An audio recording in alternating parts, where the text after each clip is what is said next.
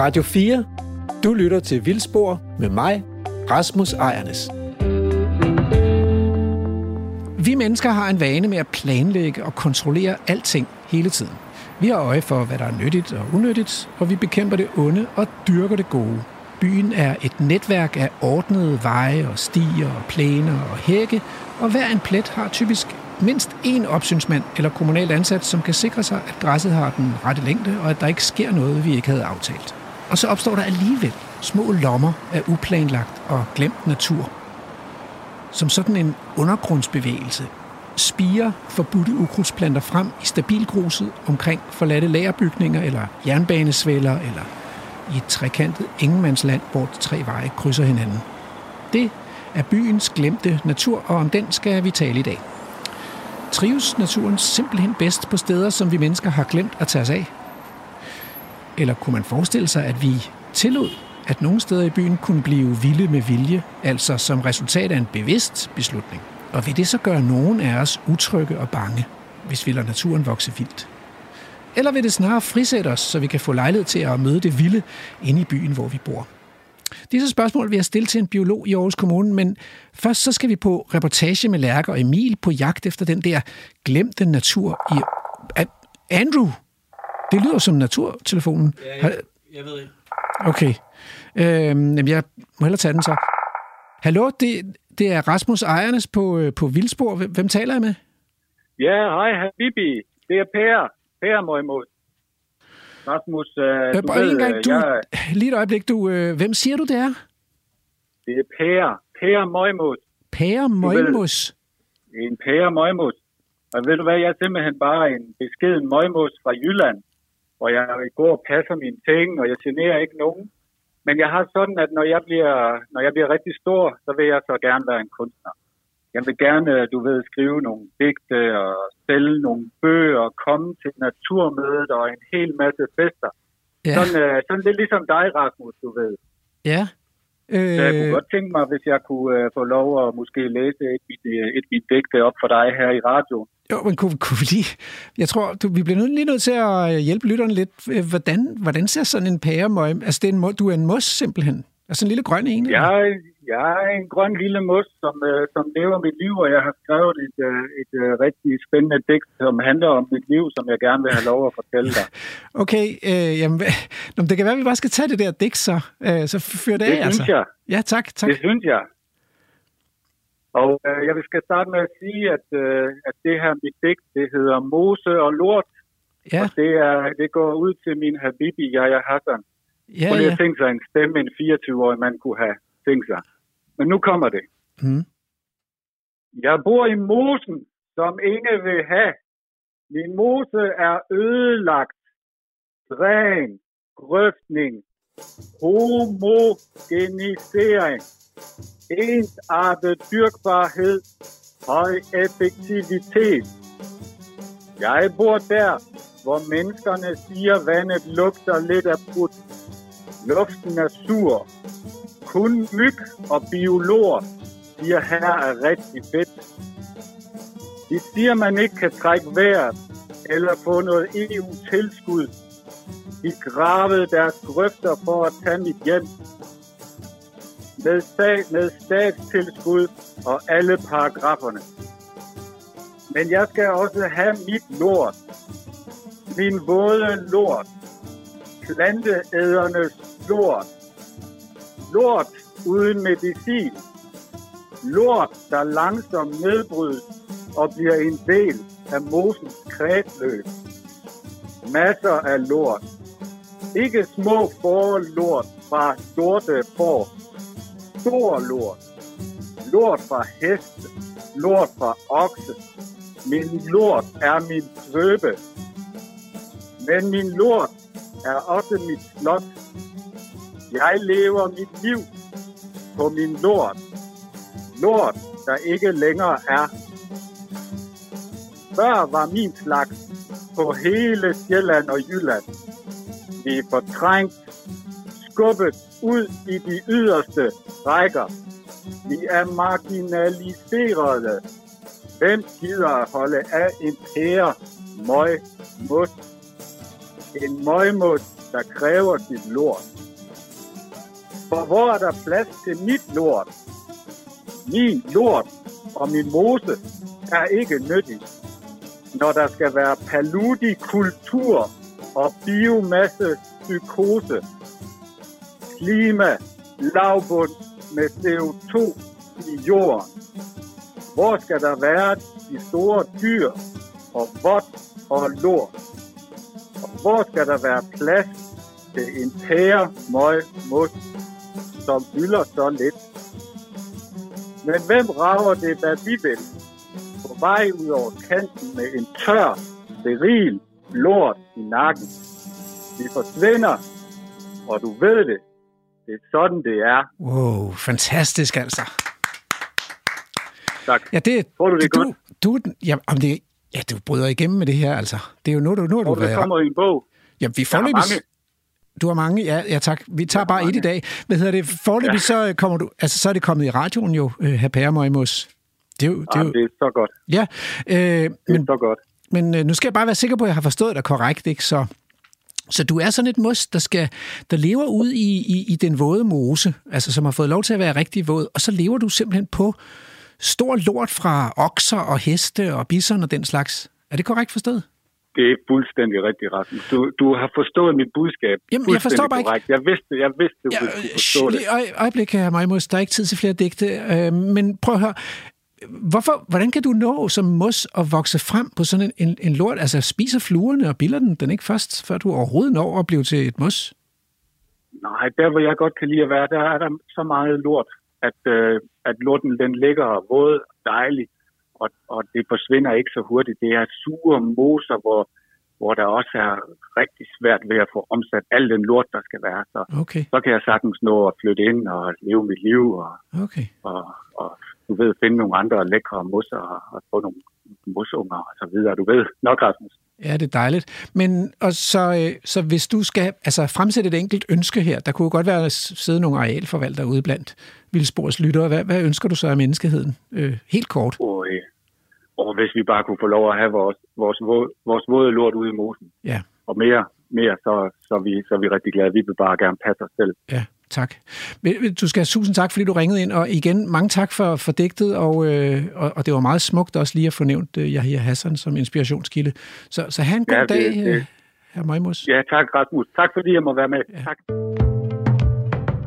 Wow, pære Møjmus. Jeg er blown away. Men øh, vi var på vej afsted øh, på reportage til Efter den glemte natur i Aarhus.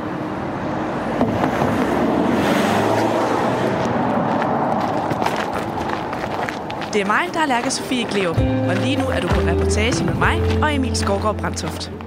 Goddag alle sammen, og velkommen til dette programs feltreportage. I dag der er vi øh, øh, nærmest ikke taget nogen steder. Vi står inde midt i, øh, inde midt i Aarhus på Jægergårdsgade, fordi i dag der skal vi øh, tale om bynatur og hvad det er for noget, og prøve at finde ud af, hvad, øh, hvad, er, hvad er det for nogle levesteder, der opstår inde i byerne, og hvad er det for nogle arter, der så flytter ind i de levesteder, og ja, en hel masse af den slags snakke. Det skal vi have i løbet af, i løbet af den her øh, reportage. Og her, hvor vi står, det er jo øh, en øh, parkeringsplads, hvor der kører øh, lige nu en stor Range Rover forbi. Øh, der ligger Reuse lige om bagved. Kohalen, restauranten ligger herinde, og øh, man kan se over til øh, øh Comwell-bygningen derovre, eller hvad den nu hedder. Øh, og lige herovre bagved ligger, øh, ligger Kulbroen, som øh, vi måske også skal hen og se lidt nærmere på i dag. Ja, for det er området her omkring Kulbroen, der ligesom er øh, centralt for dagens program. Og, øh, og Kulbroen her er, så vidt jeg er orienteret, bygget omkring 1950 til at fragte øh, kul fra havnen og op til, øh, til gasværket her i byen. Nu øh, er den jo så simpelthen øh, nedlagt, altså den står her stadigvæk, højt hævet over vores hoveder, men er altså ikke i brug længere. Og i det hele taget det her er jo sådan et gammelt industrikvarter, som man øh, har planer om skal byfornyes, og det skal komme en masse spændende øh, ting hernede, så det simpelthen bliver en ny bydel i byen, hvor den her kulbro stadigvæk kommer til at, binde delene lidt sammen. Men lige nu er den altså øh, delvist forladt nogle steder, og det skaber altså også plads til naturen rundt omkring, og det var det, vi skal ud og kigge på i dag.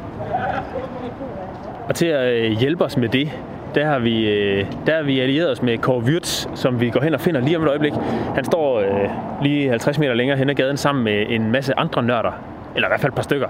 Øh, vi har nemlig bedt Kåre om at indkalde til en øh, bioblitz her øh, i det her bynatursområde her. Så nu skal vi sådan i løbet af de næste, næste par timer eller sådan noget se, hvad kan man egentlig finde af liv sådan et sted her. Og vi har allieret os med nogle af de øh, skarpeste nørder, så må ikke vi øh, får et eller andet at se. Du lytter til Radio 4. Nu har vi lige bevæget os de der øh, 50 meter hen ad gaden og øh, har fundet Kåre, som står her. Og øh, velkommen til, Kåre. Tak skal du have. Du er jo øh, du er biolog. Og Det kan, du, jeg. øh, kan du sige øh, lige lidt mere om, hvem du selv er? Jamen, jeg er, som du siger, biolog øh, fra Aarhus Universitet sidste sommer. Øh, og så arbejder jeg som øh, rådgivende konsulent et firma, der hedder Mols Consulting ude på Djurs, hvor vi rådgiver kommuner om alt mellem natur og naturbeskyttelsesloven osv. osv. Og øh, hvad mere jo, så bor jeg i Aarhus med min kone og børn og elsker at kigge på bynatur. Og så er jeg kratlusker. Big time. Jeg elsker at finde arter. Det kan man måske også godt se på dit, øh, på dit outfit i dag. Ja. Du, der, er, øh, der er et kamera og en eller anden dims og en look og, og en balje og net og alt muligt. Øh, Det er standardudstyret. Er simpelthen standard. Ja, det- hvad, hvad bruger du alt det grej til? Øh, ja, altså det er et godt spørgsmål. Det er faktisk lidt en skrabet model det her, for normalt plejer jeg sådan en stor værktøjsspil det på også, hvor jeg kan have mine ting i, og så plejer jeg at have en kæde med nogle øh, forskellige glas og sådan noget. Altså når man er ude og registrere, både som hygge og øh, professionelt, så er det jo vigtigt, at man ligesom får registreret, hvor finder man de forskellige ting. Så jeg har alle mulige reagensglas, der er nummereret, og så en notesbog, hvor jeg skriver ned. Øh, så når jeg finder noget, så, øh, så registrerer jeg det hele på den måde. Øh, og så har jeg min loop, selvfølgelig botanikerloop, hvis man finder noget botanik. Det kan også bruges til insekter. Og så insektsugeren, hjemmebygget, er noget plexirør og en uh, tut fra en uh, fra noget silikone fugemasse. Den bruger jeg til at suge insekter op med. Altså for lige at introducere den her, som er helt standardudstyret. En hvid opvaskebalje købt på 15 kroner i Rema 1000. Øh, den bruger jeg utrolig mange af om året. Den har jeg altid med, fordi der kan man ligesom banke insekterne ned fra øh, forskellige planter. Øhm, og hvis man så ikke øh, kan se, hvad det er med det samme, og er nødt til at have det hjem under en lup, så kan man lige suge det op med sin insektsuger og putte det ned i et reagensglas. Øhm, ja, så er der selvfølgelig kameraet og, og slagnettet, så øh, der skal en del udstyr til, når man kigger insekter. Og udover at være kratlusker og øh, stærk i mange artsgrupper, så er du også øh, initiativtageren til en Facebook-gruppe, der hedder Alt det, vi ikke lige bruger. Hvad er øh, tanken bag den her gruppe? Ja, tanken med den gruppe er jo at vise noget natur, som folk måske sådan ikke rigtig opdager så tit. Det er jo tit sådan noget natur i byerne, som opstår sådan lidt af sig selv på nogle områder, hvor vi, øh, hvor vi, ikke, rigtig, øh, hvor vi ikke rigtig bruger arealet til noget. Øh, For eksempel imellem øh, fortorvsfliser og så videre, så lige så dukker der noget natur op, som vi jo, de fleste mennesker nok sådan mentalt har et billede af, at det er så lidt grimt og lidt forkert natur, fordi det skal, er ikke på de rigtige steder. Øhm, det kan også være græsplæner og alt muligt andet, hvor der ikke bliver slået græs, og hvad der ligesom kommer op der, eller roterater. Og jeg tænkte ligesom at lave en side om det, øh, kunne være med til at hjælpe lidt med at præsentere det, og gøre, at den her natur måske får en værdi i sin egen ret. Øhm, der er meget sådan noget gang i det der vild med vilje-koncept, øh, og det er super godt, fordi det gør noget for biodiversitet, og vi får nogle arter til Danmark, sådan noget, men, men i vild med vilje-konceptet, der ligger der også en eller anden styring, en mental styring af os mennesker, hvor vi gerne vil bestemme, hvad det er, sådan, der skal være, for det skal gerne være flot, og det skal være nogle blomster osv. Men det, jeg så gerne vil prøve at gøre med den her Facebook-gruppe, det var ligesom at sætte fokus på natur, som bare er vild, fordi det er vildt. Og vi har ikke blandet os, og det kommer helt af sig selv, og det ser grimt ud, forkert ud, og alt muligt. Men det er der. Og det synes jeg er en fantastisk historie, at naturen ligesom kan, kan gøre den slags også.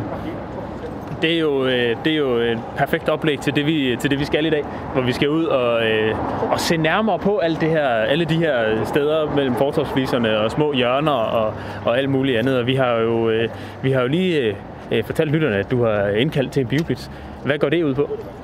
Ja, øh, ja en byblitz det er jo sådan et øh, lille arrangement, hvor man mødes en gruppe mennesker øh, og und- undersøger oftest et bestemt område inden for en begrænset tidsperiode for, hvor mange arter man kan finde.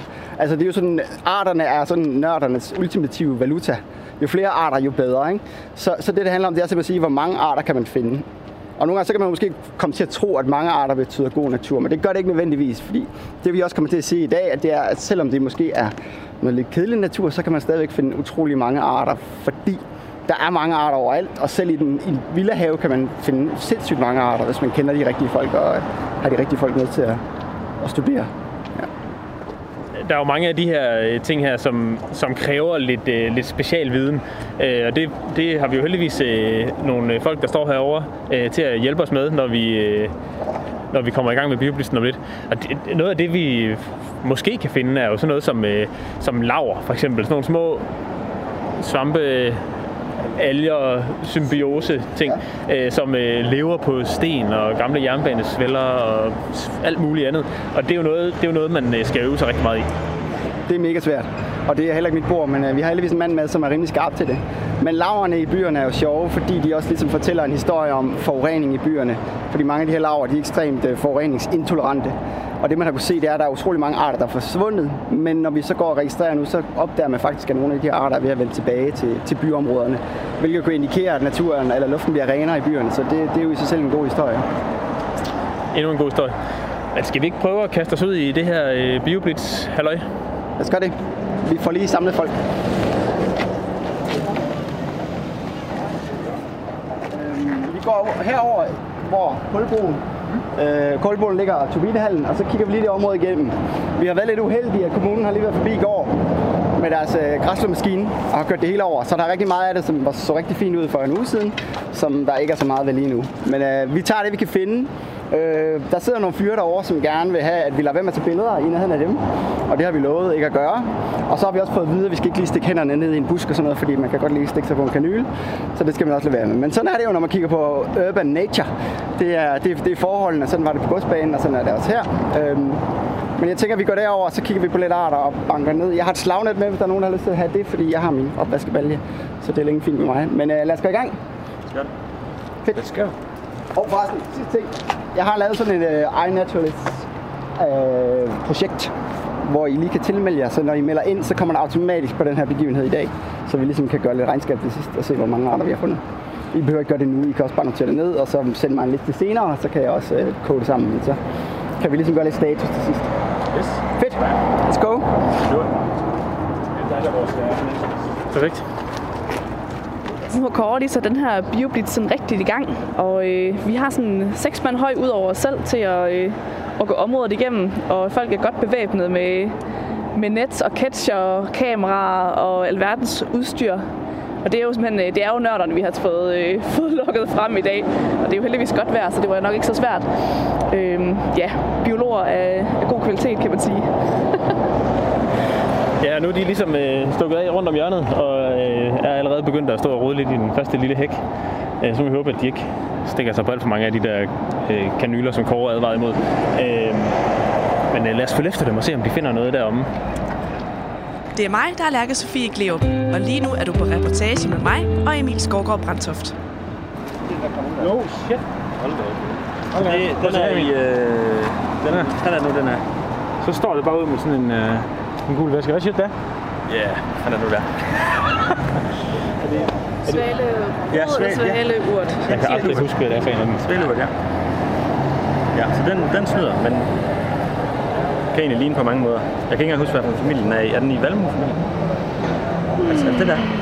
Det er et godt spørgsmål. Men den er nice. Man går nok skulper, så er det vel en korsblomst. Ja, den er korsblomst.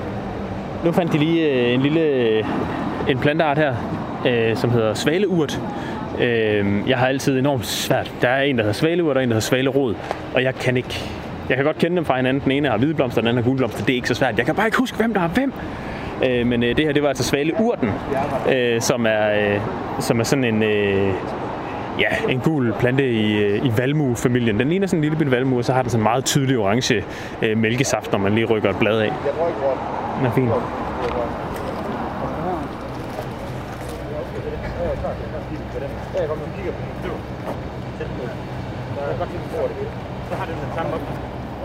Mens øh, nørderne her, de lige går og roder lidt, så kommer jeg til at kigge op. Det sker jo indimellem.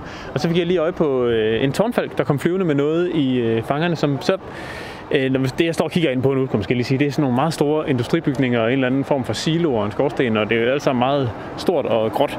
Øh, men der er ligesom oppe i toppen sådan en, øh, en afsats eller et eller andet, hvor den der tårnfalk med noget i fangerne, den fløj ind. Og da den fløj derind, der sagde det pip, pip, pip, pip, pip, pip, pip, og så kom den ud igen, så den har sikkert øh, unger deroppe et sted. Og tårnfalken er faktisk ikke den eneste øh, falk, som har taget, øh, som har taget havnen til sig. Øh, vandrefalken er en, øh, en art, som har været udryddet i Danmark som ynglefugl, men er, men er genindvandret igen. Og de første ynglepar af vandrefalken, de var på øh, Møns Klint og Stævns Klint og sådan nogle steder. Øh, men den er også i stor stil begyndt at tage de her industriområder til sig. Øh, store øh, kraftværker, eller, eller her, som her et havnemiljø. Og her på en eller anden øh, bygning, lidt hænger her ude på havnen, der er der sat en kasse op til den, og i år er der faktisk for første gang ynglende vandrefalk på Aarhus Havn. For første gang i måske nogensinde. I hvert fald i over 100 år, tror jeg. Øh, jeg har tre unger i redden, og øh, jeg har ikke selv set dem, men dem, der har set dem, dem, der følger dem tæt, det er der jo selvfølgelig nogen, der gør. De meddeler, at øh, ungerne har det rigtig godt, og at øh, der, er masser, der er masser af mad til vandrefalkene sådan et sted her. De kan godt lide at yngle på sådan nogle klippehylde ting, og det, det finder man jo her på de her bygninger, noget, der godt kunne ligne en klippehylde. Øh, og så er der bare sindssygt mange duer og måger og alt muligt andet, som er vandrefalkenes øh, favorit føde livret, hedder sådan noget vist. Øhm, og, øh, så, så de lever godt, og forhåbentlig så bliver det et fast inventar på, øh, på havnen med, med ynglende vandrefalk. Og jeg kommer til at gå og kigge lidt op en gang imellem, fordi jeg vil også gerne se den. Øhm, vandrefalken, som jo er verdens hurtigste dyr. Der kan, øh, når, når, de, når de jager i styrtdyk efter sådan en sagsløs due, så kan det foregå med måske 350 km i timen eller sådan noget. Så der er fart på med vandrefalkene. Det er der. Og jeg, jeg synes, at folk ser meget fordybet ud herovre ved en øh, lille bakke, så det kan være, at vi skal have hørt, øh, hvad folk finder. Det er en god idé. Okay, det er slangehoved. Ja. Er det, hvad for en... Øh...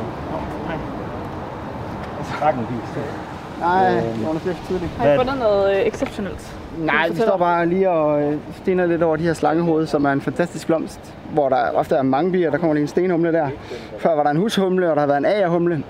Så, og det er jo sådan nogle arter, der pludselig, pludselig dukker op på sådan nogle arealer her, slangehoved. Og det er virkelig, der er virkelig mange insekter, der godt kan lide den. Specielt øh, bestøver.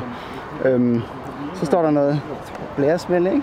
Det vil jeg nok også kalde den, ja. Ja, lige præcis. Øhm, ja, det er jo sådan en lille bakke her, som, som har fået lov at passe sig selv i lang tid. Og der er jo så dukket nogle sjove arter op. Meget af det er græs, men altså der er også en del blomster her, som øh, har nogle fine arter tilknyttet. Men jeg ja, ikke nogen hits endnu. Ikke nogen hit nu. Nej. Øh, men Kåre, du sagde, da du, da du lige introducerede det hele, der sagde du, at kommunen har lige været over det hernede. Ja. Hvad, hvad, er, er det et problem? Det kan vi sige, for kommunen er det jo sådan, det skal gøres, og, og når man kigger på bynatur, så er man nogle gange nødt til at acceptere, at det er, det er en præmis, ikke? Fordi det er ligesom sådan, man har valgt at forvalte øh, områderne. Øhm, nogle gange så undrer man sig lidt over sådan et område, hvorfor det skal pinligt være græsplæne, men øh, fordi der er jo ikke rigtig nogen, der går på det, men altså det har man ligesom valgt, det skal være. Øhm, og det vil sige, at man har sådan fladebehandlet det hele, og fjernet al vegetationen, og slået alle blomsterne ned. Øhm, og det vil sige, så kommer der nogle perioder, hvor der, altså de arter, der var tilknyttet de blomster, der var her, de har ikke rigtig en chance. Øhm, og grunden til, at det er sådan er et problem, det er, fordi man gør det ret hyppigt. Fordi man ligesom hele tiden vil holde det lavt, ikke? Øhm, så der når ikke rigtig at komme så meget op. Øhm, men ja, sådan er det, og nogle steder giver det jo god mening, fordi der har man nogle trafikale udfordringer osv. Ikke? Men hvis man går rundt sådan og kigger i byen, og sådan på vejkryds og så videre, så er der utrolig mange øh, græsområder, hvor man tænker, de områder bliver ikke brugt til noget som helst andet, øh, end det skal være en græsplæne, og der er nogen, der skal gå og passe dem. Så jeg tænker, der er noget potentiale til at få noget natur, men det kræver ligesom, at folk vender sig til, at der ikke bliver gjort noget på arealet. Øhm, og det er en tilvænding. Jamen det er jo, det er jo en tilvænding. At det, man kan godt undre sig lidt over, som du siger, at det her stykke, vi står på her, som der er nogle jernbaneskinner her, så kommer vejen, og der altså behøver man at slå det med græsslåmaskinen hver, øh, hver uge, eller hvor tit det nu sker. Ja. Øhm, fordi det kunne, jo, det kunne jo potentielt være et, øh, et godt levested, det her, ligesom bakken herovre ved siden af, som har fået lov at stå. Øhm, så det kunne man da godt ærge sig Når det er så sagt, så kan man sige, at altså, i Aarhus Kommune for eksempel, er det jo noget, man arbejder ret bevidst med nu, ikke? Og, og det, det er jo selvfølgelig et stort forvaltningsapparat, der skal laves om, øh, og, en, og sådan en tradition og en, en, en stil, der har været gjort i mange år, som ligesom skal laves om, så det tager selvfølgelig tid, men man bliver mere og mere bevidst om, at øh, et, at det jo kan spare en masse penge, fordi man ikke behøver over så mange gange, og to, så kan man være med til at, ligesom at gøre noget for biodiversiteten øh, øh, i byerne og tre, så kan det sådan set også være en god formidling til borgerne og, og give nogle gode oplevelser i byen også, ikke? Hvor man kan sige, at den her græsplæne, den, har jo nok ikke, den giver nok ikke så mange specielle oplevelser, af, fordi det er jo ikke et sted, man sætter sig ned og holder picnic eller noget andet. Nu flakser der lige en øh, lille sommerfugl eller et eller andet øh, ja. over bagved herovre. Den tror jeg måske lige, hvor se, hvad det var.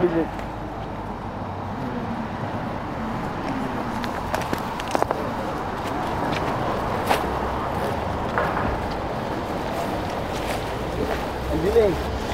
Det er skovblåfugl måske. Ja. Øhm,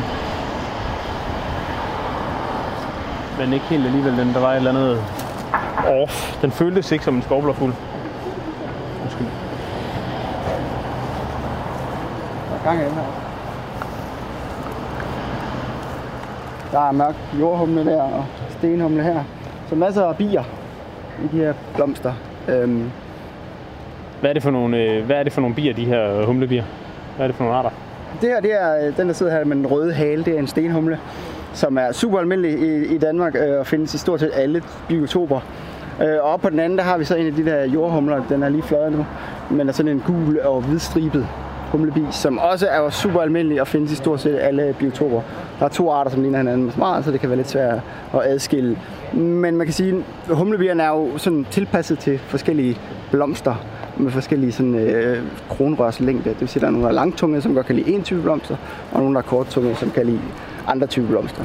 Og dem, der er korttunge, de har sådan lidt en, en fordel, fordi de der lange kronrørsblomster, dem er der ikke så mange af, hvorimod de andre, der man findes der masser af, og derfor så klarer de sig ofte lidt bedre.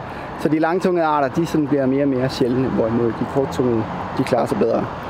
Men altså på humlebierne er der en syv, syv arter, som findes stort set overalt i hele landet. Lige meget hvor du går hen, så kan du finde dem. Øhm, så, så, så, og det er jo tit dem, man møder. Man finder ikke lige en sjælden humlebi hernede. Det er, er jeg næsten 100% sikker på. Øhm, for det kræver nogle helt andre naturtyper. Det er ikke det, man har her. Altså, så, altså, der er jo også en naturkvalitetsforskel i forhold til det, der er hernede i byen, og det, man kan finde ude på de gode naturlokaliteter. Øhm, ja. Men man kan sige, for eksempel sådan et område som godsbanen, hvor, hvor øh, man havde en forvaltning, som ligesom gjorde, at man hele tiden ryddede området. Man ville hele tiden have det sandet, og det skulle være øh, sådan en, en underlag, man kunne køre på og arbejde med maskiner. Altså den drift, som var over en lang, lang, lang periode, havde gjort, at der kom nogle arter, som var sindssygt sjældne, ikke? som jo måske kunne findes der og i Rødby færgeterræn dernede i Holland Falster. Så, så, så, det er jo, øh, så, så der kan godt komme noget god natur i byen. Men det kræver for det første lang kontinuitet, og så kræver det ligesom, at man ligesom er over området på en eller anden måde. Ikke? Ellers så får man meget almindelige arter, men almindelige arter kan jo også formidle en masse, og kan også være super spændende. Så hvordan er sandsynligheden egentlig for at finde noget meget sjældent i sådan et område som hernede ved Kulbroen? Ja, men det er jo så lidt, altså hvis man nørder nok, ikke, og går i dybden nok med det, så er der altid nogle områder, som er dårligt undersøgt, og det er jo sådan lidt, altså de fleste folk, der er med her, de har valgt deres lille niche, og så er de gået i gang med at undersøge det, af den grund, at der ikke er ret mange andre, der kigger på det. Og det vil sige, at når man går ind i sådan et område her og begynder at kigge lidt efter, så finder man helt sikkert noget, som ikke er registreret ret mange andre steder. Om det så skyldes, at man ikke har kigget så mange andre steder, det gør det måske ofte. Men nogle gange så er det også sådan, at man finder nogle arter, som, øh, som er sjældne andre steder. Også fordi, her har vi for eksempel en godsbane lige herude, ikke? hvor der ligesom kan blive transporteret arter ind på en eller anden måde. Øhm, og der, der vil sige, så kan der dukke nogle overraskelser op en gang imellem. For eksempel derovre på godsbanen havde vi den der seksårige rubinspinder, øh, eller hvad hedder det? Ja, det var sådan noget. Ja, Ja, en lille noget den stil. som jo kun findes der nærmest, og så nede i, Rødby, og den er så også fundet i København nu her. Men alle sammen på sådan nogle baneterrænger, ikke? hvor det var tæt på øh, togbaner, og hvor der kom transport fra hele landet. Ikke? Og så samtidig var den her sandede øh, jernbanejord. Ikke? Så, så, så, der kan jo dukke noget sindssygt sjældent op. Og så har man så ud over det, så kommer der en masse planter, som er haveplanter. Og når der kommer haveplanter, så dukker der nogle gange også nogle arter op tilknyttet til de her haveplanter, som jo ikke findes ude i den vilde natur, men som måske kun findes i de byerne. Ikke? Så, så, så nogle spændende ting kan der bestemt dukke op. Men det synes jeg, det kan man også finde hjemme i sin altankasse. Det er bare at kigge ordentligt efter. Ja, det er jo også en, øh, det er jo også en god pointe faktisk, at det her, det, altså nu, nu er det sådan et, øh, et halvstort område her, altså et sammenhængende område med Kulbroen her, og det fortsætter ned langs med, ned langs med, med havnen mod syd, ikke? Det, her, det her grønne område. Øhm, men man kan faktisk også godt finde sjove ting på meget mindre skala. Det behøver ikke nødvendigvis at være noget, der er en kilometer langt, eller, eller, øh, eller noget som helst i den, i den stil. Det kan sagtens bare være 3 meter væg, hvor der er vedbænd på, eller et eller andet. Det kan være, øh, det kan være rigeligt til at have noget sjovt. Øh, jeg tog en spanjor med hjem til min altankasse på et tidspunkt. Øh, jeg tror, det var, det var faktisk nede for godsbanen og hældte den ud. Og der var faktisk ikke rigtig noget i, men lige pludselig så begyndte der at dukke alle mulige sjove blomsterarter op. Trækløft, stenbræk og alt muligt andet. Ikke? Og så på et tidspunkt, så dukkede der noget spydmælde op. Og, og, og den havde, havde jeg slet ikke set dernede. Og da der så gik et stykke tid, så lige så er der øh, nogle masse bladlus på den der spydmælde. Ikke? Som jo ligesom er tilknyttet til den her ene plante. Og på en eller anden måde, så har de fundet op på min altan på 5. 5. sal herinde midt i Aarhus. Ikke? Og fundet deres spydmælde, og så sad de der på den. Ikke? Altså det er jo en fantastisk historie, og virkelig et lille mikrokosmos, hvor der er masser af opdagelser at gøre. Ikke? På en meget lille skala. Det, det øh, synes jeg er mega fedt. Ja. det er, Man kan helt sikkert gå stadig et stykke dybere. Ja, når man først, øh, når man først sådan begynder at få, øh, få, få kæmpet sig ned i det der, og få, der er hele tiden et nyt lag, man kan lukke op. Og det er jo det, man ligesom skal få øjnene op for, når man for eksempel kigger på sådan noget bynatur her, ikke? Fordi når man, så, når man ser på det nu med de øjne, som vi er vant til, så kigger man tit og ser sådan et område, hvor der ikke bliver slået eller lavet noget. Så ser det rodet og uordentligt ud. Men hvis man begynder sådan at kigge med de der briller på, man siger, jamen ho, der har vi en agertissel, og der sidder en, en tisselbåndflue her og et eller andet, ikke? og begynder at forstå den der, det der sammenhæng og der samspil, der er mellem arterne, så, så bliver ens bevidsthed udvidet på en eller anden måde, og så ser man tingene med en helt ny, med helt nyt øjne. Så det er jo sådan noget, man virkelig opfordrer folk til at begynde at kigge på. Og så tænker jeg, i hele den her tid, hvor vi sådan skal begrænse os lidt i at rejse rundt og så videre, så er det en god idé at begynde mentalt at indstille sig på at kigge på sådan eventyr i det små, ikke? Udenfor, i, de, i, i ens have og i ens altankasse og sådan noget, ikke? Og finde de der historier, fordi udover det super spændende, så er der også virkelig, virkelig meget, vi ikke ved. Så man kan gøre nye opdagelser, endda med sådan meget kort tid inden for emnet, så kan man ret hurtigt ligesom gøre sig til ekspert på et eller andet område og opdage noget, som andre ikke vidste, for eksempel. Så, så det, er jo også, det er jo også utroligt sådan, uh, motiverende, synes jeg.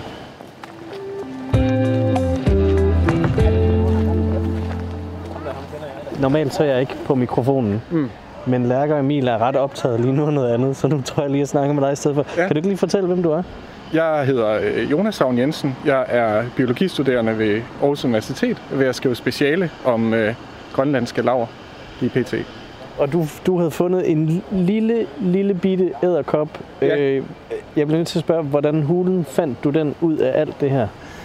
Jamen altså, hvad små æderkopper angår, så er den der faktisk ret stor. Der, de, findes, de, de findes i væsentligt mindre udgaver. Øhm, og altså, det, noget af det handler om, jo mere man ser, jo flere gange man ser de almindelige ting, jo nemmere er det at se, når noget ikke er noget af dem. Det giver måske sig selv. Øhm, og så har lige præcis den, nu har jeg så smidt den væk, men lige præcis den her æderkop, den har øh, på bagkroppen, den har nogle ret karakteristiske udvækster, som der ikke er særlig mange æderkopper, der har overhovedet. Så den er, den er ret nem at kende. Øhm, men man skal selvfølgelig lige... Altså det hjælper at have et kamera med, der kan forstørre det, eller en, en loop. Øhm, men når først man får de her små dyr op i større forstørrelse, så, så er de lige så forskellige fra hinanden, som større, større dyr kan være. Og ledte du specifikt efter den? Ja, lige nu gjorde jeg, eller jeg vidste, den var her, fordi jeg har været hernede for et par uger siden øh, og kigge og se, hvad der var. Så jeg, så jeg vidste godt, at den, den var her omkring. Øh, men den her teknik med at have en, en bakke, og så holder man den ind under noget vegetation, så man dasker lidt på, og så er den naturlig refleks for de fleste dyr, det er at give slip, fordi sådan en forstyrrelse, det er det kan være en predator eller noget, der gerne vil spise den, og så, hvis man bare giver slip på det, man sidder på, så forsvinder man ned i vegetationen og kan gemme sig. Men det, den refleks udnytter man altså med de her, med de her bakker. Altså i det her tilfælde, så ryger den ned i bakken i stedet for? Ja, præcis. Ja.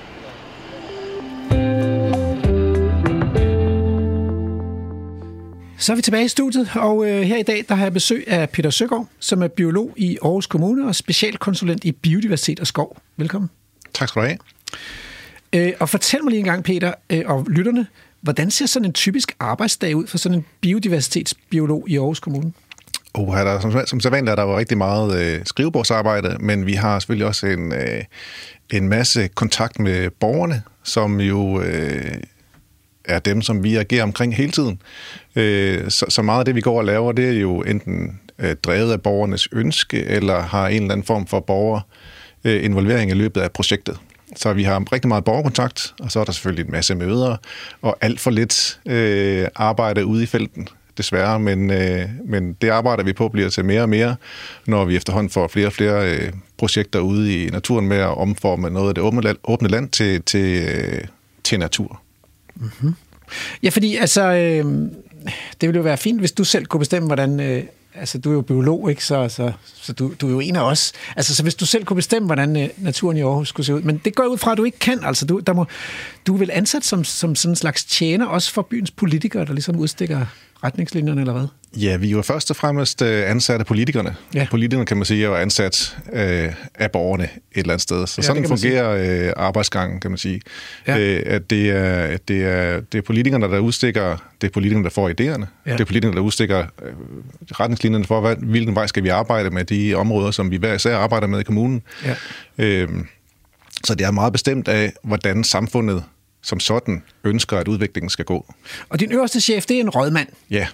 Er det så nemmere at få plads til noget dødt ved, når der er sådan en rådmand i, som øverste chef? Okay, det er Øh, vildt dårlig joke, jeg finder selv ud. øhm, øh, der, der, er ikke, der, er ikke, der er ikke råd i vores rådmand, vil jeg sige. Okay, Nej. han er, han er bundsolid. Ja, det er han. Nå, super fint. øh, men, men du er allerede inde på det der med, at det ikke kun er politikerne, så der, I har ikke kun en ledelse, der styrer sådan top-down, men der er også, I forsøger også i kommunen at have noget bottom-up, altså øh, øh, kontakt til borgerne. Det vil sige, at borgerne har også indflydelse på, hvordan naturen i, Hjort, øh, ikke i, så i, i Aarhus skal se ud. Ja, det har de i høj grad. Altså man kan sige, at et grundvilkår, som vi arbejder under her i Aarhus, det er, at der bliver 5.000 flere Aarhus-borgere om året. Det vil sige, at hver 10. år, så er Aarhus vokset øh, med en bystørrelse, der svarer til Herning. Wow. Hvor det er vanvittigt at tænke Det er på. faktisk. vanvittigt. Ja.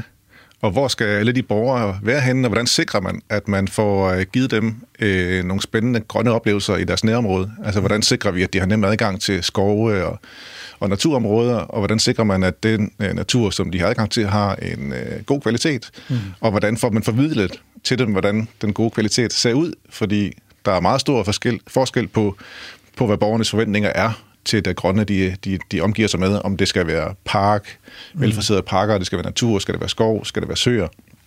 Øh, Så vi skal prøve at finde, os, finde et eller andet øh, øh, sweet point, der hvor vi til gode ser de flestes interesser.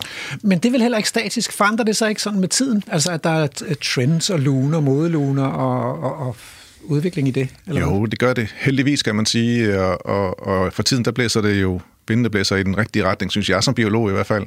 Yes. At øh, folk får, øh, befolkningen får øh, øjnene op for, hvad den øh, naturen i nærområdet kan. Al den her glemte natur, som du introducerede med, har jo været der altid. Ja. Øh, men, men øh, på det seneste har det jo virkelig øh, givet, givet genlyd i blandt borgerne, hvad man kan få ud af at gå på opdagelse i den, øh, i den nære natur, når man, ja. også når man bor inde i byen.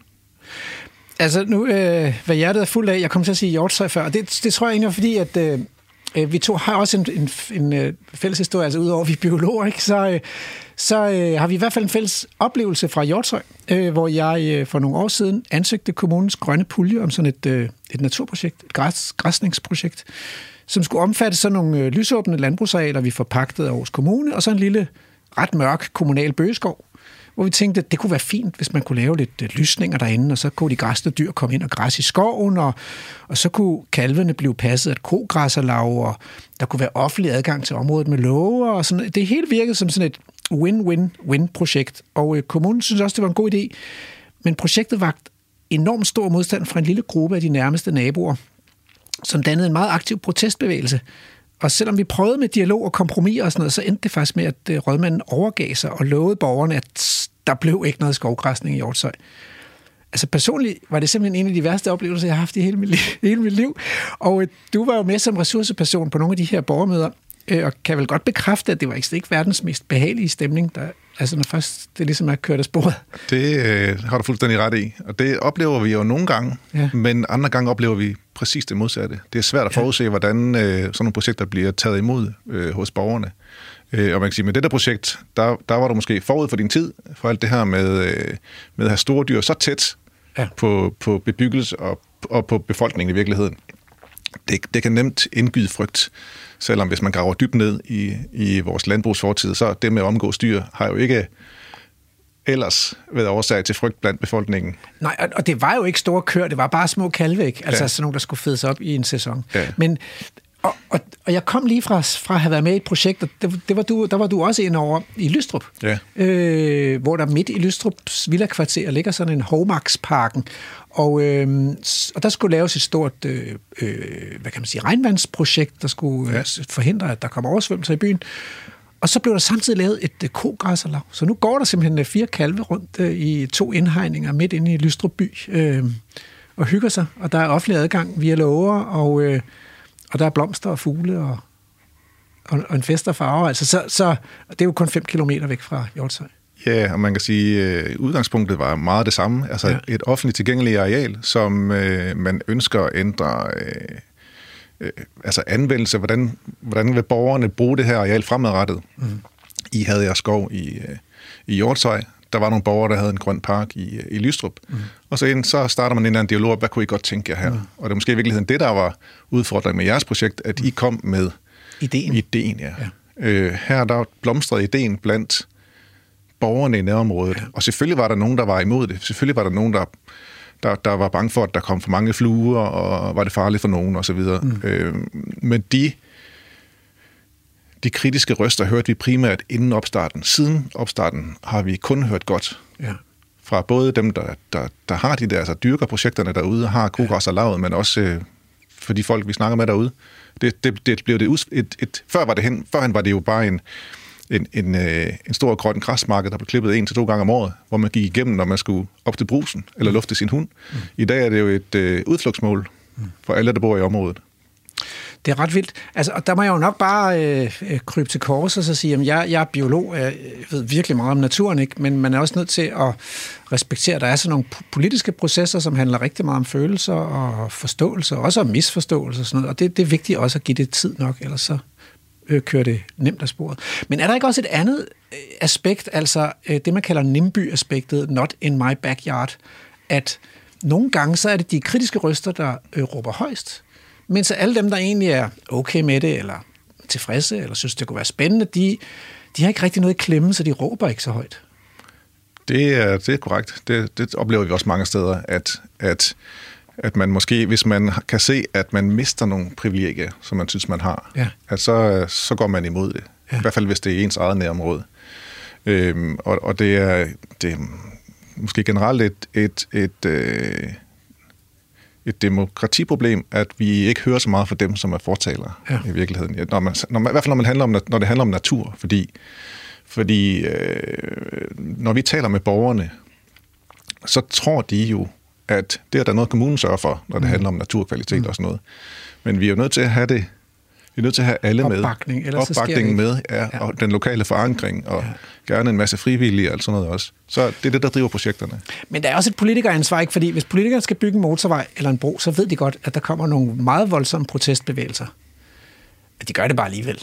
Altså, fordi at øh, de har lavet beregningerne, og de ved, at der er rigtig mange, der bliver glade for den her bro eller den her motorvej. Når først den står der, så bliver den brugt, og så, øh, så forstummer de der protester. Så der er de villige til at gå rigtig langt uden, selvom der er nogen, der brokker sig. Ikke?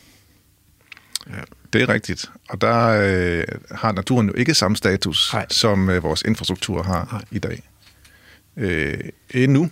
Altså, jeg, jeg, jeg fornemmer en bevægelse. Jeg, jeg tænker ikke, at, at natur får samme status som en, en meget vigtig motorvej, men, men jeg fornemmer, at der er, der er ønske om, både politisk, men også øh, blandt borgerne, at vores natur, vores, øh, især den nære natur, men også den natur, som ligger længere væk, som måske har mindre øh, umiddelbar værdi for folk, men bare det at vide, at den er der, og man har mulighed for at besøge den, at den får en meget høj status, eller meget højere status i fremtiden, end den har nu.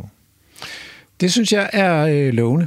Øh, øh, fordi, øh, fordi der er jo, øh, øh, der er jo visioner, øh, og, øh, og hvis ikke de skal blive øh, kvalt af protester, så er man også nødt til nogle gange at turde sige, vent nu lige lidt, vi snakker om det om fem år eller om ti år igen. Ikke? Øh, prøv nu at se, om ikke det bliver egentlig meget fedt. Du lytter til Radio 4. I den her reportage, som vi lige har hørt øh, ude fra Kulbroen, der beklager biologerne sig over, at der, der har været nogen fra kommunen og, øh, og, og slå blomsterne ned omkring øh, Kulbroen. Øh, er- det et- godt eksempel på udfordringen med sådan at finde balance mellem naturhensyn og borgernes øh, ønske om, at der bliver holdt rent og ordentligt inde i byen? Eller, eller hvad, hvordan skal man forstå det, eller er det bare en misforståelse? Det, det kan være begge dele. Nu ved jeg ikke lige, hvad der sker i det konkrete tilfælde, men det kan meget vel være begge dele. Mm. Altså, at, at man, man er nødt til øh, den her transition fra at, at, at virkelig holde af alt det, som, som, som den glemte natur kan give, mm. nemlig også nogle gener. Mm. Øh, og så samtidig øh, til gode se alle de øh, øh, biologiske interesser, der, der, der kan være i et område. Det, det, er en, det er en svær balance. Ja. Øh, og og øh, samtidig kan der jo også være, altså i dag er der blevet langt fra dem, der sidder og har visionerne og idéerne og, ud, og, og, og, og, og øh, bestiller en opgave på det grønne, som ofte er di- er dikteret af de øh, programmer og målsætninger, vi har, øh, som er bestemt af politikerne. Øh, og så ud til den mand, der sidder ude i maskinen, der kan være rigtig langt. Mm. Mm. Og jeg kender til et projekt op i Nordjylland, hvor at der er så langt, at dem, der sidder ude i maskinen, hvis ikke de udfører deres arbejde ordentligt, så får de nærmest trusler fra lokalbefolkningen. Wow. øh, fordi det ser der herrens ud. Ja. Øh, så så der, der kan være rigtig langt fra dem, der sidder og har idéerne og målsætningerne, til arbejdet, der udføres derude. Det er også lidt usagnemmeligt, hvis man sidder i den der maskine, ikke, og man forsøger at gøre det efter alle ja. anvisninger, så kommer der bare nogen og skiller en hedder herfra. Og man synes måske bare, man har gjort et godt job. Ja. Nu kommer jeg lige ja. forbi, og jeg skal først have været her en måned, men nu har jeg lige tid, og så, ja. jeg ved det ikke. Ja. Men, men, øh, men det er jo heller ikke det er jo heller ikke nødvendigvis nemt, det der med, at, at der pludselig bliver flere borgere, der er opmærksom på, om, om man skader naturen. Fordi mange af de aktiviteter, I har og jeres folk har ude i naturen, handler jo om at beskære nogle træer, eller om at klippe nogle, noget vegetation, eller sådan noget. Det kan have nogle funktioner øh, og nogle årsager. Det kan faktisk også nogle gange gavne naturen at blive klippet og slået lidt indimellem. Der går jo ikke græsne dyr derude rundt alle steder, så, så skal man ud med maskinerne. Øh, og det er svært at forstå for borgerne, at det kan være godt at slå naturen. For eksempel slå vejkanterne. Ja, og vi skal i hvert fald ikke fælde ret mange træer nogle steder ude i skovene, før at, øh, at der er nogen, der ser der og tænker, kan det mun være rigtigt? Så falder der brænde ned, ja, man så må sige. Ja, det, det ja. Øh, øh, og i dag er der, der er jo mindre og mindre fokus på, at der skal tjenes penge på, øh, på skovdriften, så ofte så er der jo en eller anden form for, for idé med, at der skal fældes et træ. Det kan være øh, det, man kalder risikotræer, altså træer, som står et sted, hvor at, øh, de kan udgøre en risiko Øh, eller det kan også være træer, som, øh, som man fælder af hensyn til at give noget lys til, til den anden biodiversitet, der er i skoven. Men, men må jeg ikke lige udfordre dig lidt på det? Fordi jeg synes jo, det er svært at få øje på gamle træer i danske byer. Øh, og vi ved jo, at gamle træer er vel måske det mest enestående værdifulde levested, man kan forestille sig for biodiversiteten. Ikke? Især når de begynder at skrænte. Så længe de sådan er kernesunde, så er de ikke så meget værd, fordi så er, der mest, så er de mest bare sig selv, og der kan måske være en fuglered eller et eller andet i kronen, og der kan flyve lidt insekter rundt op i bladene. Men når først de begynder sådan at skrænte, og der kommer sårskader og hulhed og sådan noget, så flytter der flagermus ind, og der begynder at vokse mosser og laver på barken, og der biller og svampe og sådan noget. Det er jo der, det begynder at blive guf øh, for naturen. Men inden det når så langt, så har der været en, øh, en mand fra kommunen, og så konstaterer, ah, det skrænter vist lidt. Vi fælder det og planter et nyt træ. Altså, er det helt uretfærdigt, at det er mit billede af, hvordan man forvalter træer i danske byer? Sådan tror jeg sagtens, det kan være mange steder. Og der tror jeg, at man bruger princippet better safe than sorry. Ja. Men vi er blevet meget bedre til øh, at sige nej til dem, som... Altså, der kommer mange ønsker fra borgerne også, og siger, det træ dernede, det skygger i min have, eller kaster græn ned i min have, eller ja. et eller andet Og vi er blevet meget bedre til at sige øh, nej, og til at tage en, en faglig vurdering af træets øh, tilstand. Ja. Og ikke bare fælde det, fordi at det, det ser ud som om, at der er en, øh, en gren, der er ved at falde ned. Jamen så, så tager man den gren, i stedet for at fælde hele træet. Men hvad med æstetikken? Fordi det kommer jo også ind så her, fordi hvis nu man vurderer, at nu er der faktisk en risiko, træet er svækket, så kan man jo vælge at skære alle topgrenene af og lade hovedstammen stå. Men så ved jeg godt, at der er nogen, der tænker, åh, oh, det er godt nok grimt, altså. Så står der bare sådan en ruin tilbage der, ikke? Men lige præcis den ruin kan jo være vanvittigt værdifuld mm. for natur og biodiversitet. Og det er jo de der gamle hovedstammer, man savner, ikke? Altså, og det er dem, der kan stå der i mange år og være levested for mange organismer. Ja. Øh, og det, dem, dem, vi bruger også den tilgang flere og flere steder, men der er nogle steder, hvor det simpelthen er for dyrt eller for besværligt, ja. eller Ja. ja. Og, og, og det er også det, der er hovedproblemet i forhold til bare biodiversitet, at det er, lidt, det er lidt dyrt og besværligt, hvis man skal gøre det inde i byen. Hvis man skal gøre det rigtigt. Ja. ja. Så vi vælger, vi vælger, man kan sige, vi vælger vores kampe med, med området. Vi gør det de steder, hvor, man, hvor vi ved, at det ikke er sådan nogen risiko for, for folk. Ja. Og så, øh, så, så gør vi det, som, præcis som du sagde, ind i, det kan være inde i en park, at man, at man fjerner alle hovedgrene, der skal kun stamme står tilbage. Mm. Og så er der så egentlig et formidlings, en formidlingsopgave efterfølgende om at fortælle, hvorfor har vi gjort det, og hvad kan det? Hvad, hvad kan man gøre, når man skal, hvis man skal formidle det til borgerne? Fordi der er jo ikke en fjernsynskanal, hvor der, der ligesom hedder, nu kommer, nu kommer Peter Søgaard på skærm og fortæller jer, hvorfor der ser sådan ud i byens park. Altså, så hvor gør man det hen? Vi gør det på Facebook. Okay. Der er rigtig mange, der følger os på Facebook. Ja. Øh, og der fortæller vi om, hvad vi gør og hvorfor. Øh, og og det, det, det tror jeg, vi får, får, øh, får bredt ret godt ud. Fedt. Og så har vi også nogle gode samarbejder med øh, blandt andet Naturhistorisk Museum, ja. som, som I kan formidle de der fælles øh, biodiversitetsprojekter med. Altså, der er jo en ting, jeg har opdaget, øh, blandt andet fordi det er sket ude i rundkørselen ude ved motorvejen tæt på Hjortshøj, hvor jeg bor, men det er også sket på indfaldsvejene mange steder i Aarhus, at, øh, at der pludselig er dukket blomster op i midterrabatten og siderabatterne og sådan noget. Øh, har I ved så nogle blomster ude der, og, øh, og, og hvordan virker det så? Ja, det har vi, det, og det var øh, nogle år inden, at Aarhus var kulturby. Ja. Der lavede vi nogle forsøg med at øh, få blomsterne tilbage i grøftekanten. Ja. Og det blev taget så godt imod blandt borgerne, at vi besluttede, at i forbindelse med, øh, med, øh, med kultur, øh, hovedstadsåret, at der ville man gøre det på alle indfaldsveje. Mm. Men allerede der havde vi jo en del erfaringer med, hvad der virker og hvad der ikke virker. Mm. Og noget af det, vi kunne se, det er, at, at, mange steder er der så meget næringsstof i øh, de der rabatter, at, ja. at det, man så vælger at så der, at det har meget kort levetid. Ja. Så der har man skiftet. Mange steder har man skiftet rabatjorden ud, simpelthen med noget mere sandet jord, så man får nogle arter, som, som øh, bliver der i længere tid. Der er virkelig to fordele ved det, ikke? For det første, så bliver der mere større mangfoldighed med næringsfattig jord. Der bliver vel også en mindre opgave med hele tiden at køre og slå det, altså?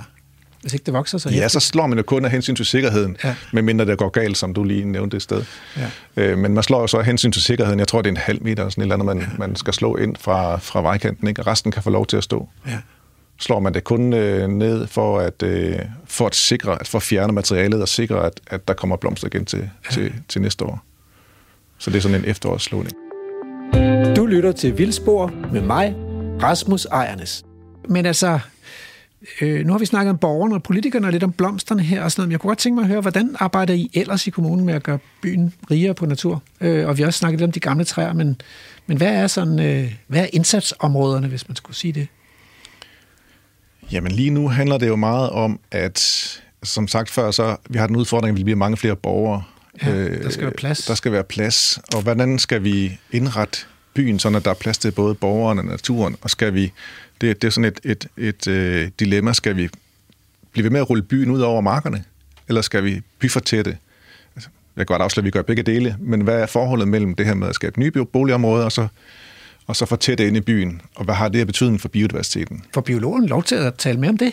Ja, det, det begynder vi heldigvis at få lov til. Det Hvordan? tænker jeg, det er jo bare biologen, det er sådan, man kalder ja. bagefter, man har lavet alt ja. det vigtige. Men heldigvis er der kommet noget, kan man sige, i den her sammenhæng, der hedder øh, klimaforandringer. Og det betyder jo pludselig, at, at øh, der opstod det her, øh, den her udfordring med alt det vand, der kommer, mm. og den meget mere vand, der kommer i fremtiden. Mm. Og det betyder, at mange dele af byen skal, øh, mange byrum skal omtænkes. Vi skal simpelthen mm. have plads til vandet. Ja. Og når man skal have plads til vandet, så handler det jo ikke om, at der skal være vand altid, men at der en gang imellem, måske hver 10., 30., 50., 20., hver 120. år, skal være plads til mere vand i byen. Ja. Og mens der ikke er plads, eller mens der ikke skal være vand, jamen så kan det være grønt. Ja. Og på den måde kan man, kan man åbne mange byrum op for at få mere natur ind. Og det var jo det, der skete i Lystrup faktisk. Ja. Øh, okay, øh, og, og hvad er det så for noget natur? Altså, hvad tænker man så, når man skal lave det der natur? Øh, nu skal vi have, hvad, hvad, hvad får man så? Så nu er det jo, Vandhuller, som udgangspunkt, søer, ja, som udgangspunkt er det svært at lave natur, men man kan skabe nogle gode udgangspunkter for, at der kommer noget spændende natur. Ja. Så det handler, det handler ofte om det her at forsøge at lade være med at, at få for mange næringsstoffer ind. Ja. At, at, at, øh, at gøre et eller andet, som, som, som afslutter området med, med, med, øh, med mineraljord, sådan at, at de ting, der kommer der, at, de, øh, at, at det ikke er de der øh, sædvanlige øh, arter, som elsker kvikker, ærtislen ja, og kørv ja, eller ja. Grøn, eller... Det er beskidte dusin, har jeg hørt nogen kalde dem. Ja. ja som, som, som kommer og overtager det hele. Ja. Men udfordringen med det, der har vi øh, for eksempel et eksempel ude i øh, Beder, hvor vi har lavet en regnvandssø, og øh, vores forsyningsselskab har heldigvis taget rigtig godt imod den her idé med, at det ikke kører muld på, når de laver regnvandsbassiner, så de slutter af med mineraljord, præcis som det gjorde ude i, i Hovmarksparken i Lystrup. Mm. Men, øh, men mange steder tager det altså rigtig lang tid, inden der kommer noget natur på de her meget bare arealer. Det er jo en æstetisk udfordring også, fordi er, folk de tænker, at det ser ud som om, de ikke ja, er blevet færdige ja, her. Hvorfor er det ikke så græs? Ja. ja. Øh, og det har også den udfordring, at, at øh, jordsiderne eroderer, ja. og så ender meget af det der øh, mineraljord nede i bunden af bassinet, og så, mm. så øh, så bliver ingeniørerne ked af det. Så bliver de ked af det, og så ja. bliver biologerne igen ked af det, fordi bassinet laver man jo hensyn til vandløbene, sådan at vi ikke spuler vandløbene igennem regnvandet, når det falder.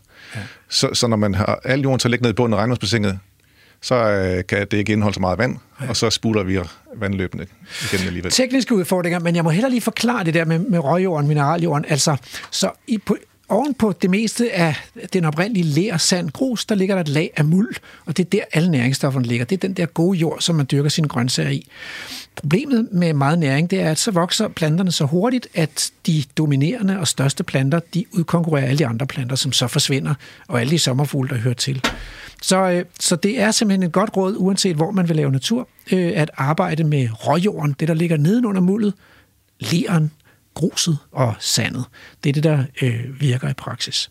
Og det kan jeg forstå, at man også gør her, og der er sådan nogle udfordringer med, at nogle steder har man faktisk brug for, at der bliver et tæt plantedæk, og så er man altså lidt på spanden. I næste time kunne jeg godt tænke mig at høre lidt om, om visionsarbejdet. Hvordan sikrer man sig, at der er nogle drømme og nogle visioner, som kan bære den her natur? Men øh, nu er det blevet tid til, at vi skal have nyheder.